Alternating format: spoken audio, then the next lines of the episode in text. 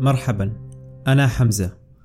أهلا بكم في هذا البودكاست الثقافي المعرفي والمهتم بتلخيص الكتب مناقشتها ومن ثم نشر عصارتها بشكل موضوعي وعلمي. يمكنكم الاشتراك في القناة ليصلك جديدنا ويمكنك التواصل معنا عبر الإيميل المرفق في الأسفل.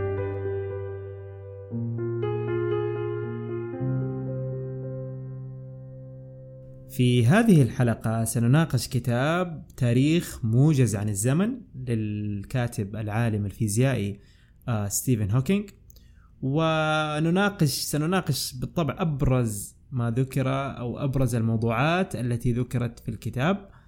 آه موضوعات مثل الكون المتمدد أصل ومصير الكون آه الزمان والمكان صورتنا عن الكون ومبدأ الريبة.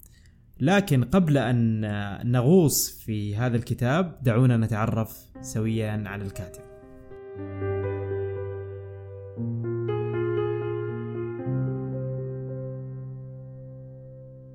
الكاتب هو ستيفن ويليام هوكينج آه، ولد في أكسفورد إنجلترا. يعد من أبرز علماء الفيزياء النظرية وعلم الكون على مستوى العالم. آه، درس في جامعة أكسفورد وحصل منها على درجة الشرف الأولى في الفيزياء. ثم أكمل دراسته في جامعة كامبريدج للحصول على الدكتوراه في علم الكون. يعتبر هوكينج قدوة في التحدي والصبر ومقاومة المرض وإنجاز ما عجز عنه الأصحاء إلى جانب باعه الطويل في مجال العلوم الفيزيائية ويتميز يعني هوكينج بالعمل والنشاط في الأعمال الاجتماعية والدعوة للسلم والسلام العالمي وهو مساعد للطفولة وقرى الأطفال وشارك في مظاهرات ضد الحرب على العراق وفي عام 2013 أعلن عن رفضه المشاركة في مؤتمر يقام في إسرائيل.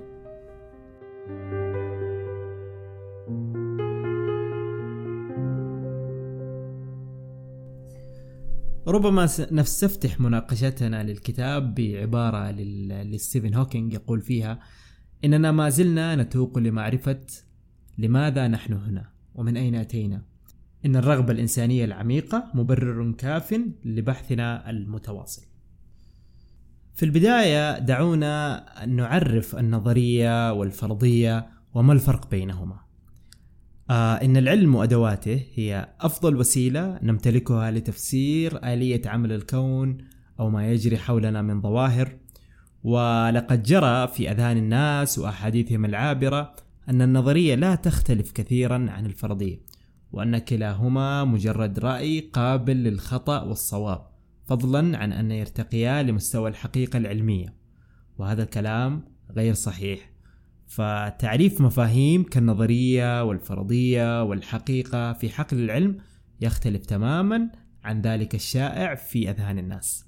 فيمكننا مثلا تعريف الفرضية بأنها ربما عبارة عن تخمينات أو استنتاجات قابلة للتحقق يتوصل إليها الباحث ويتمسك بها بشكل مؤقت كحل أو تفسير مقترح لمشكلة معينة. أما النظرية فهي مجموعة من الفرضيات أثبتت صحتها وتم اختبارها والتحقق منها عبر طرائق علمية معينة وبشكل متكرر واعتمادها لاحقا عبر الملاحظة والتجربة. فيأتي السؤال هنا هل النظرية حقيقة؟ لا ما نحاول أن نقول أن النظرية ليست حقيقة بحد ذاتها وإنما الحقائق يتم تفسيرها والتنبؤ بها من خلال النظريات. إذا إذا أردنا مثلا أن نعيد ترتيبها سنقول مثلا هنالك حقيقة ثابتة بغض النظر عن الفرضيات والنظريات. يأتي العالم أو الباحث عبر الملاحظة يبني فرضية.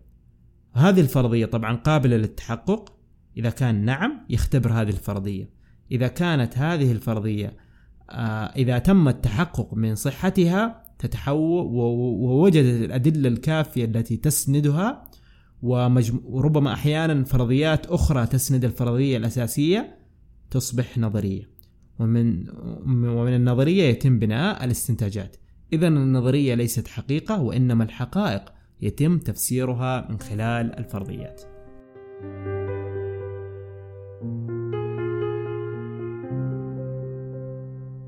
في الفصل الأول حاول الكاتب أن يمنحنا موجزا لتصوراتنا عن الكون موجز من قبل الميلاد إلى عصرنا الحالي يعني أي منذ فجر التاريخ.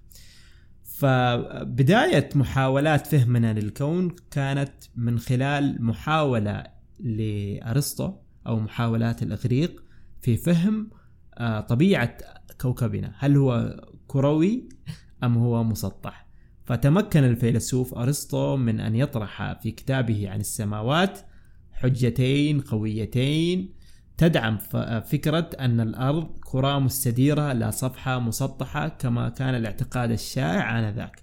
فمن خلال خسوف القمر وبسبب وقوع الأرض بين الشمس والقمر في حالة الخسوف يكون الظل الواقع على القمر مستديرا. فلو كانت الأرض مسطحة لكان الظل الواقع على القمر مطولا أو مستقيما. آه الحجة الثانية التي طرحها أرسطو هي آه محاولة إثبات أيضا كروية الأرض من خلال آه النجم الشمالي. فالإغريق كانوا كثيري الرحلات فمن خلال رحلاتهم وجدوا أن النجم الشمالي يبدو عند النظر إليه في الجنوب أكثر انخفاضا في السماء عما يبدو عليه في المناطق الشمالية. فيقع النجم الشمالي مباشرة فوق القطب الشمالي أي بمعنى أنه كلما اتجه مر نحو الجنوب ينخفض هذا النجم وكلما اتجه إلى الشمال يرتفع هذا النجم فاستدل بذلك أن الأرض أن, أن هذه الحالة إثبات لكروية الأرض. وأيضا طرح حجة ثالثة حول كروية الأرض بسيطة جدا وهي من خلال أشرعة السفينة التي تأتي من بعيد. فرأى أن الأشرع الآتية عبر الأفق تكون صغيرة وكلما اقتربت كبرت. فأيضا استدل بهذا أن الأرض كروية. وهذا الكلام كان قبل 340 سنة قبل الميلاد من خلال أرسطو وبدل وبالأدلة فقط العقلية دون إجراء تجارب يعني حقيقية. ثم جاء نموذج بطليموس في آه، سنة 100 تأكيدا لما جاء به أرسطو وحاول أن يرسم أو يتخيل شكل آه، الأرض الكروية وكيف الكواكب التي تدور حول الأرض. فافترض أن الأرض هو المركز كما كان أيضا يعتقد أرسطو ورسم كرات كرة القمر ثم عطارد ثم الزهرة ثم الشمس. وهذا طبعا غير صحيح لكن كان هذا الاستنتاج الشائع أو أو ما توصل إليه الإنسان في ذلك الوقت وهو 100 سنة بعد الميلاد. أو 100 سنة ميلادية. آه ثم حاول أيضا بطليموس إثبات مركزية الأرض.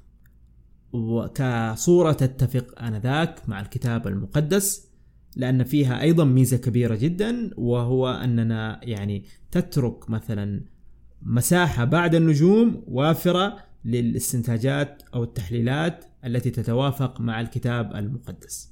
ثم في في القرن السادس عشر جاء بطل جاء كوبرنيكوس وحاول آه، نفي فكرة مركزية الأرض.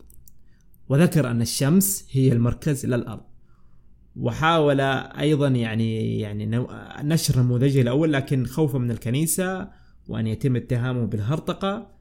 يعني ها يعني هذان السببان جعلاه يتراجع عن فكرة نشرها. و فكانت فكرة كوبرنيكوس أن الشمس ثابتة في المركز بينما تتحرك الأرض والكواكب في أفلاك دائرية حول الشمس. وقد مر قرن قبل أن تؤخذ هذه الفكرة مأخذا جديا. فتخلص كوبرنيكوس من كرات بطليموس السماوية التي حاولت تأكيد فكرة أرسطو. لكن كوبرنيكوس أثبت صحة فكرته وتخلص من فكرة أن الكون له حد طبيعي. فكانت النجوم في نموذج كوبرنيكوس ثابتة لا تظهر تغيرا في مواقعها عدا القليل من الدوران عبر السماء. نتيجة أن الأرض تدور حول محورها. فكان من الطبيعي افتراض أن النجوم الثابتة هي أشياء مثل شمسنا ولكنها أبعد بكثير. ثم تم القضاء على الفرضية الأرسطية البطلومية بشكل نهائي وتأييد فكرة آه، كوبرنيكوس على يد جوهانس كيبلر. المنجم المعروف وغاليليو الفيزيائي والرياضي المعروف. قاما بتأييد النظرية الكوبرنيكية رغم أن الكنيسة كانت ترفض يعني هذا المبدأ في ذلك الوقت حتى أن كوبرنيكوس آه لم ينشر أبحاثه خوفا من الكنيسة.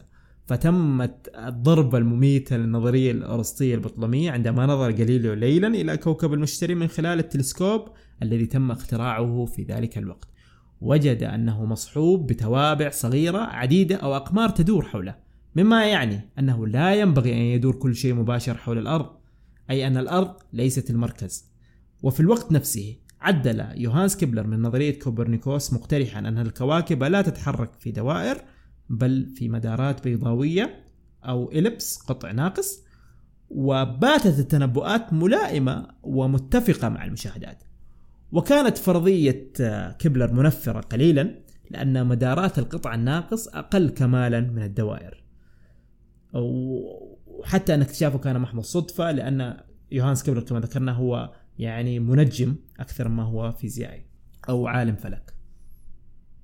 في سنة 1687 جاء إسحاق نيوتن بقانون الجاذبية. ونشر في المبادئ الرياضية للفلسفة الطبيعية والكتاب الذي يعد أهم ما نشر على الإطلاق في العلوم الفيزيائية. وذكر قانون الجاذبية الكونية وحسب هذا القانون أن كل جسم ينجذب لأي جسم آخر بقوة تزيد شدتها كلما زادت كتلة الجسمين وكلما زاد قرب أحدهما من الآخر. وهذه القوة هي المسؤولة عن سقوط الأشياء نحو الأرض.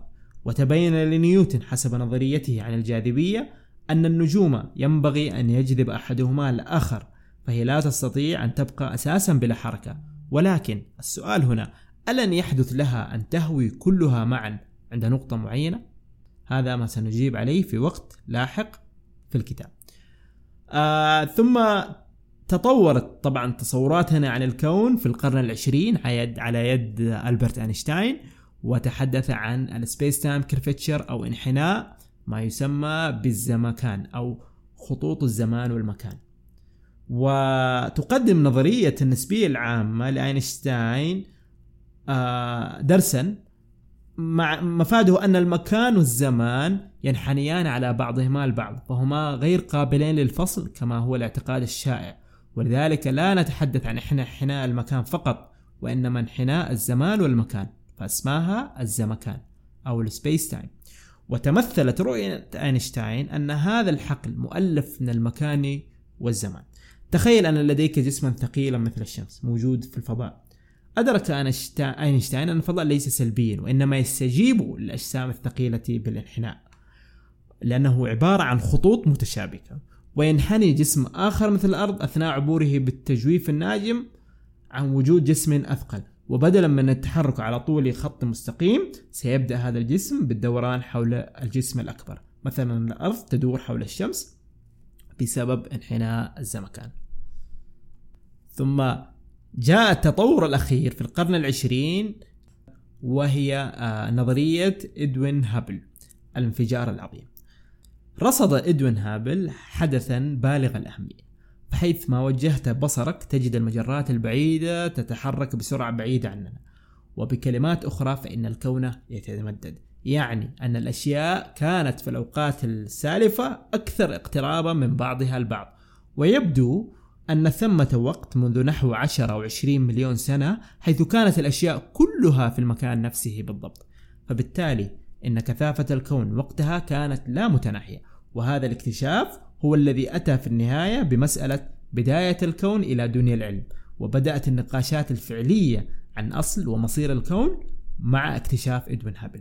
وتطرح مشاهدات هابل أنه كان ثمة وقت يسمى بالانفجار العظيم ال Big Bang theory أو ال Big Bang حيث كان الكون صغيرا صغرا لا نهاية لصغره وكثيفا كثافة لا متناهية وتحت هذه الظروف تنهار كل قوانين العلم.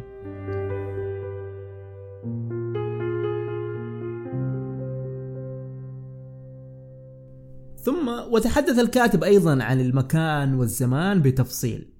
و يعني ذكر برهان جاليليو على زيف اعتقادات أرسطو أن أرسطو كان يؤمن بأن الحالة الطبيعية لجسم ما هي أن يبقى ساكنا ولا يتحرك إلا إذا دفعته قوة أو دافع. فبالتالي إن الجسم الثقيل ينبغي أن يسقط بأسرع من الجسم الخفيف لأنه سيكون له شد أكبر للأرض. فأرسطو يؤمن بأن المرء يستطيع أن يستنبط كل القوانين التي تحكم الكون بالفكر فليس من الضروري التحقق بواسطة المشاهدة وهكذا لم يهتم أحد حتى زمن جاليليو وهذا طبعا غير صحيح. الفرضيات العلمية أو النظريات لابد أن يتم التحقق منها. فجاء جاليليو ورأى إذا كانت الأجسام ذات الوزن المختلف تسقط فعلا على سرعات مختلفة و وبرهن على ذلك من خلال التجربة. برهن جاليليو على زيف اعتقادات أرسطو بأن أسقط أثقالا من برج بيزا المائل. طبعا هذه القصة غير واقعية وغير حقيقية تروى عنه لكنه أجرى تجربة على نحو مختلف. فقام جاليليو بصنع شيء مماثل بأن دحرج كرات من أوزان مختلفة أسفل منحر منحدر ممهد. ولاحظ جاليليو أن كل جسم زادت سرعته بنفس المعدل بصرف النظر عن وزنه. فتسارع فالتسارع لكل الأجسام نحو الأرض ثابتة لأن تسارع الجاذبية واحدة لا تتغير باختلاف كتل الجسم كما كان يعتقد أرسطو.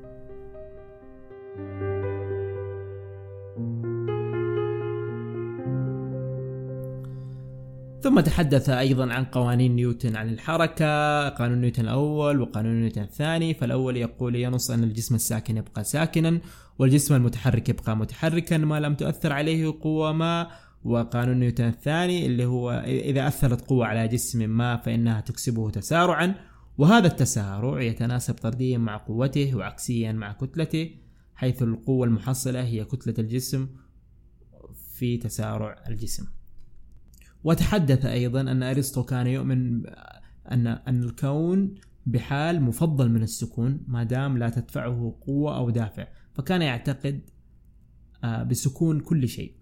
وحاول الكاتب أن يذكر لنا أو يوجز لنا باختصار أنه ليس ثمة معيار للسكون.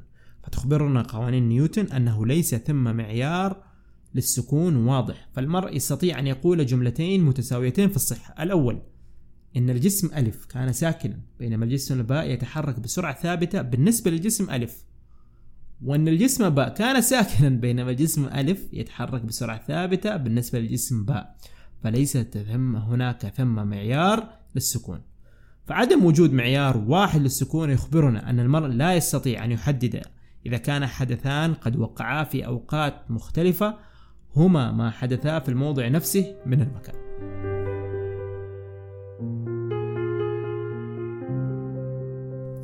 ثم طرح لنا تساؤل تساؤلا مهما هل الزمان مطلق أم نسبي؟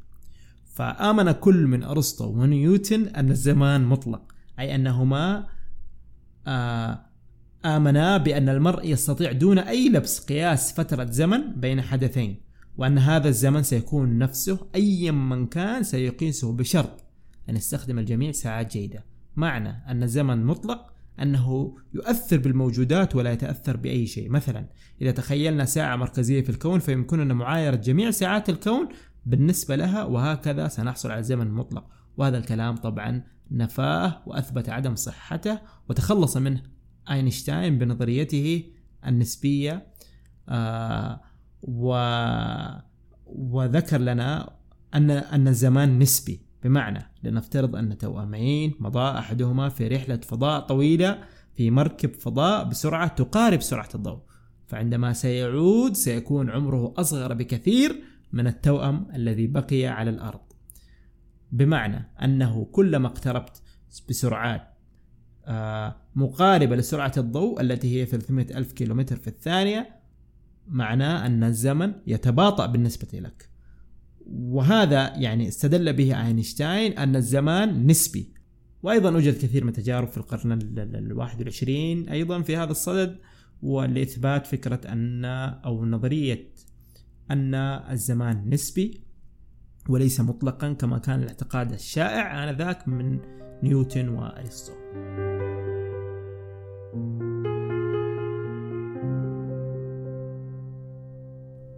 طب يأتي السؤال هنا. هل بإمكاننا السفر للمستقبل بما, بما أن الزمان نسبي؟ فمع ازدياد سرعتنا زيادة كبيرة جدا تزداد الكتلة الظاهرية وتزداد الطاقة المطلوبة لتحريك الجسم. وبالوصول لسرعة الضوء فإن الأمر يتطلب طاقة لا نهائية لتحريك أي جسم.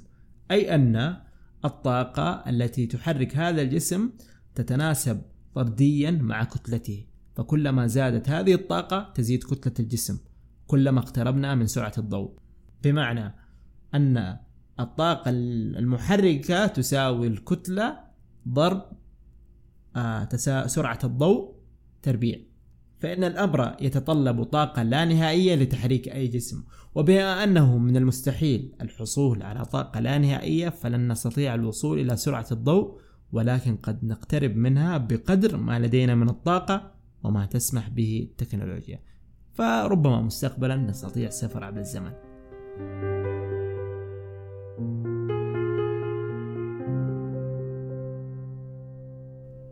طيب السؤال الثاني الذي طرحه الكاتب هل بإمكاننا السفر للماضي؟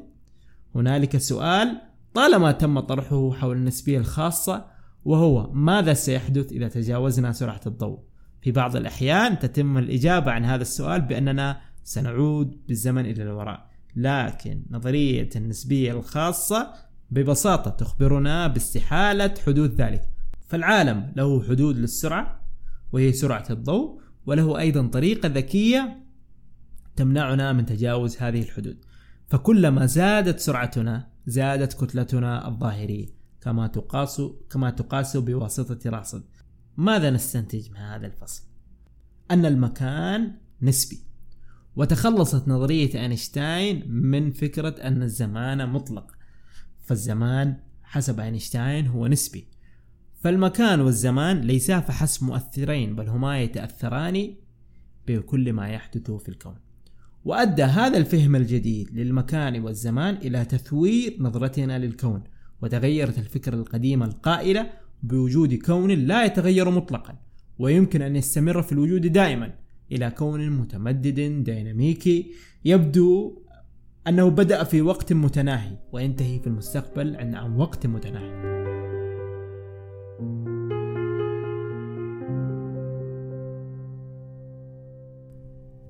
إلى هنا وصلنا إلى نهاية الحلقة. شكرا لحسن استماعكم. آه، اشترك في القناة ليصلك جديدنا ويمكنك التواصل معنا عبر الإيميل الموجود في المرفق. إلى اللقاء. thank you